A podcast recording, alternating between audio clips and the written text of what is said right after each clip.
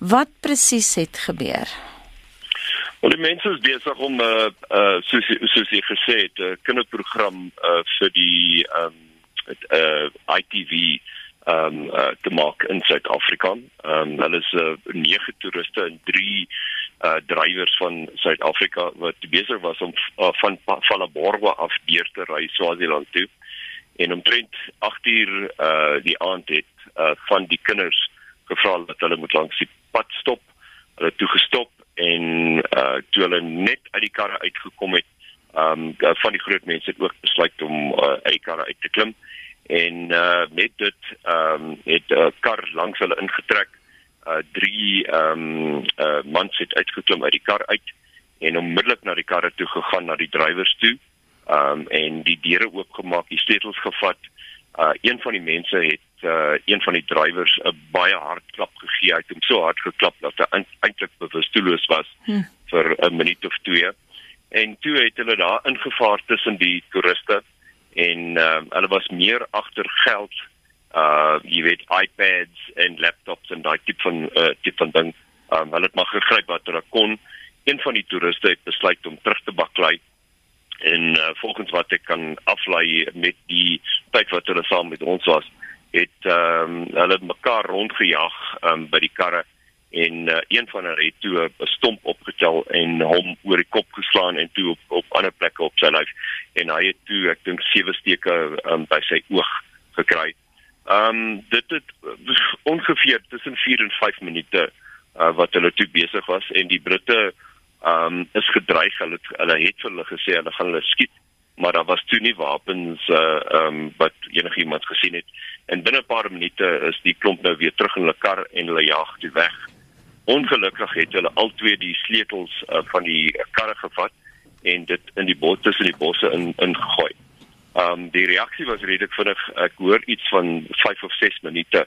Daar was so 'n padblokkade verder af in die in die uh, op die N17 en die polisie het daar gekom. Nou baie belangrik, gelukkig vir ons het ons 'n prioriteitskomitee op uh 'n veiligheid van toeriste veral nou die internasionale toeriste. So ons het dit onmiddellik in werking gestel, uh reëlings gemaak vir die vir die verhaal van die karre. Ons het uh um ook reëlings gemaak vir verblyf uh, vir die eerste aand en reëlings gemaak uh, dat die toeriste en hulle toerusting uh gehaal was uh by die waar die insident gebeur het um, ons het hulle ingery dis 45 minute van waar dit gebeur het in Ermelo toe. En die dag daarna um ons en nou wat baie belangrik is, um die regering oor die algemeen werk nie saam met privaat sektor. Maar net soos wat dit gebeur met hierdie spesifieke ding met die prioriteitskomitee, het die regering 'n baie goeie uh, verhouding met die privaat sektor oor die um toeriste. So dit het ons in werking gestel en uh, die volgende dag het ons die toeriste by die by die hotel gaan haal. Ons het hulle weggevat na 'n venue toe waar hulle agter geslote hekke was en toe ons hulle eers by die by die tweede venue kry. Toe vind ons uit een van die mense, Katie Price, is toe 'n baie belangrike TV-ster in uh, Engeland. Ehm um, jy weet uh, uh, ons het ons het uh, eers na die tyd het ons gaan kyk op die internet toe vind ons uit sy is 'n redelike 'n groot mens in in die TV bedryf. Anyway, ons het hulle toe vertroetel vir 'n dag. Um ons het maar sielkundig met hulle gewerk en um jy weet toe hulle by die uh, by die venue waar die tweede gastehuis aankom, uh toe het ons kussings en en kombers op die uh, jy weet in die son uitgesit en hulle net om hulle te kalmeer. Ons het daai aan vir hulle uh, Suid-Afrikaanse braai gegee. Um en wat nou baie belangrik is is dat uh die werkende stelsel tussen ons die Mpumalanga Tourism en Park uh, Parke Raad uh en die polisie.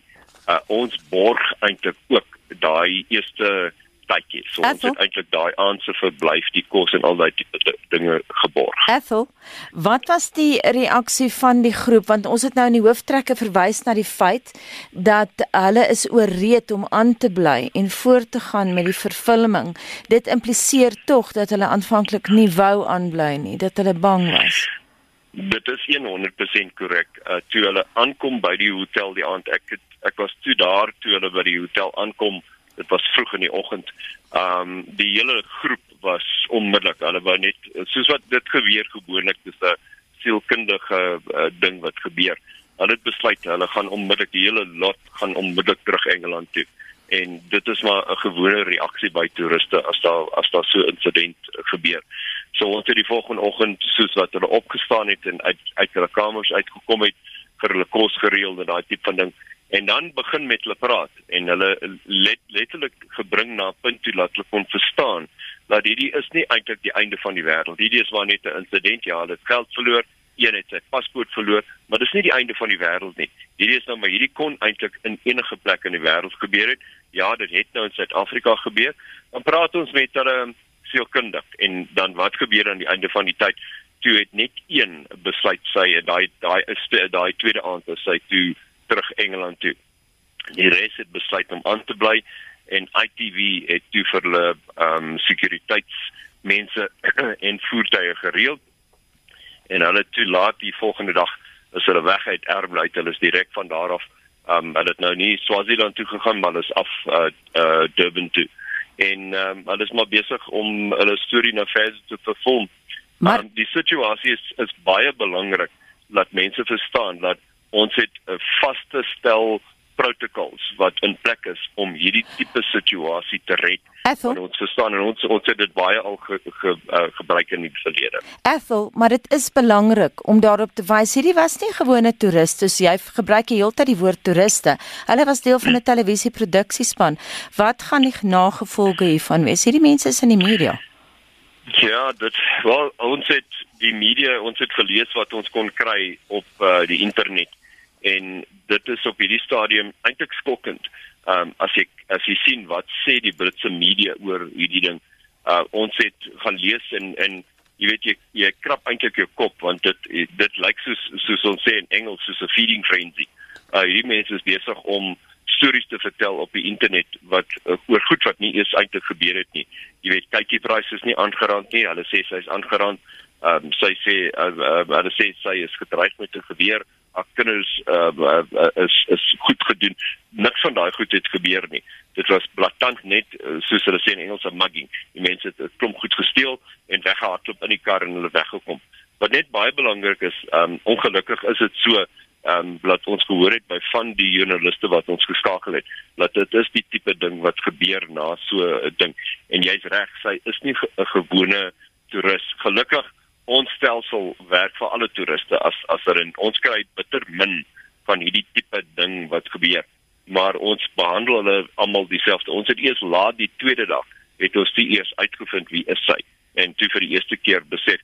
Maar was baie dankbaar um, dat dit hulle aan mekaar kom dankie sê en die volgende oggend um, toe omtrent hier by 11:00 se kant het sy toe vir die eerste keer dis nie die volgende oggend dis die dag daarna um, het sy toe besluit om uit die kamer uit te kom En wat toe gebeur is die ehm um, sy toe sy uit die kamer uitkom was sy baie dankbaar sy nog my vrou was het het ook um, gehelp um, met die kos en daai tipe van ding. En sy het ons almal uh, basies kom onhels en en vir ons dankie sê en hulle span was ook baie dankie uh, aan mekaar wat ons gehoor het hierdie loop van die dag.